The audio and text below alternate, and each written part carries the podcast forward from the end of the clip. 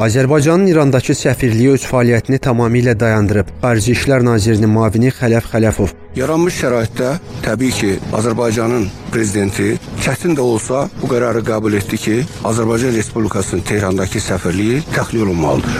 Əlbəttə, hər hansı bir ölkədə səfirliyin fəaliyyətini dayandırmaq, diplomatik fəaliyyəti dayandırmaq çox məsuliyyətli qərardır. Amma siz bilməlisiniz ki, biz bunu İran tərəfinin də nəzərə çatdırmışıq ki, bizim səfirliyimizin mühafizəsinin, səfirlikdə çalışan əməkdaşlarımızın təhlükəsizliyinin təmin edilməsi ilə bağlı İran tərəfinə ümidimiz, etibarımız, etimadımız yoxdur.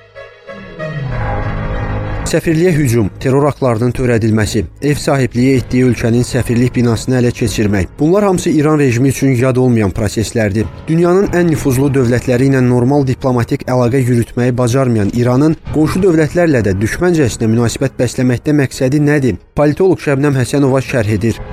O amil vurğulanmalıdır ki, 2-ci Qarabağ müharibəsində Azərbaycanın əldə etdiyi zəfər, eyni zamanda zəfərdən sonra istər regionda, istərsə də beynəlxalq münasibətlər sistemində Azərbaycanın gücünün və nüfuzunun artmasını İran həzm edə bilmir.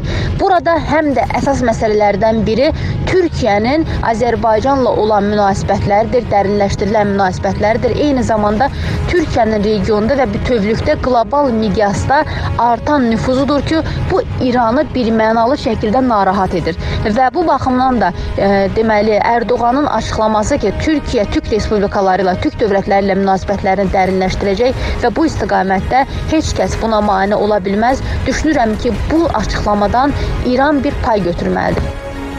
Azərbaycanın çətin günündə düşmənlə əlbir olan bu ölkənin törədilmiş vəhşi terrora yeni don geyindirmə cəhdi elə də təəccüblü deyil. Bəs maraqlıdır. Vətəndaşlarını göz qırpmadan güllələyən, həbs olunanları edam edən İran rejiminin terroristə mikrofon uzatma istəyi və dırnaqarası demokratiya sevdasının həqiqi səbəbi nədir?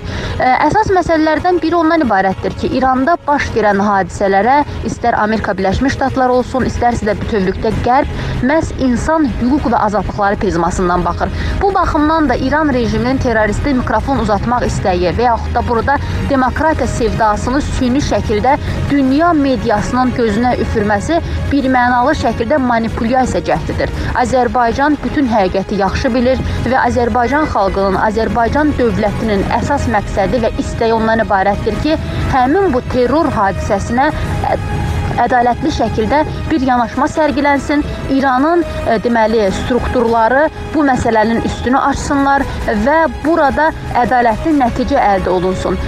Bəli, Azərbaycanın istədiyi ədalətli nəticənin əldə olunmasıdır. Dövlətimiz orada yaşayan soydaşlarımızın hüquqlarının keşiyində də durmağa daim hazırdır. Azərbaycanın İrana ümidi, etibarı və etimadı itib.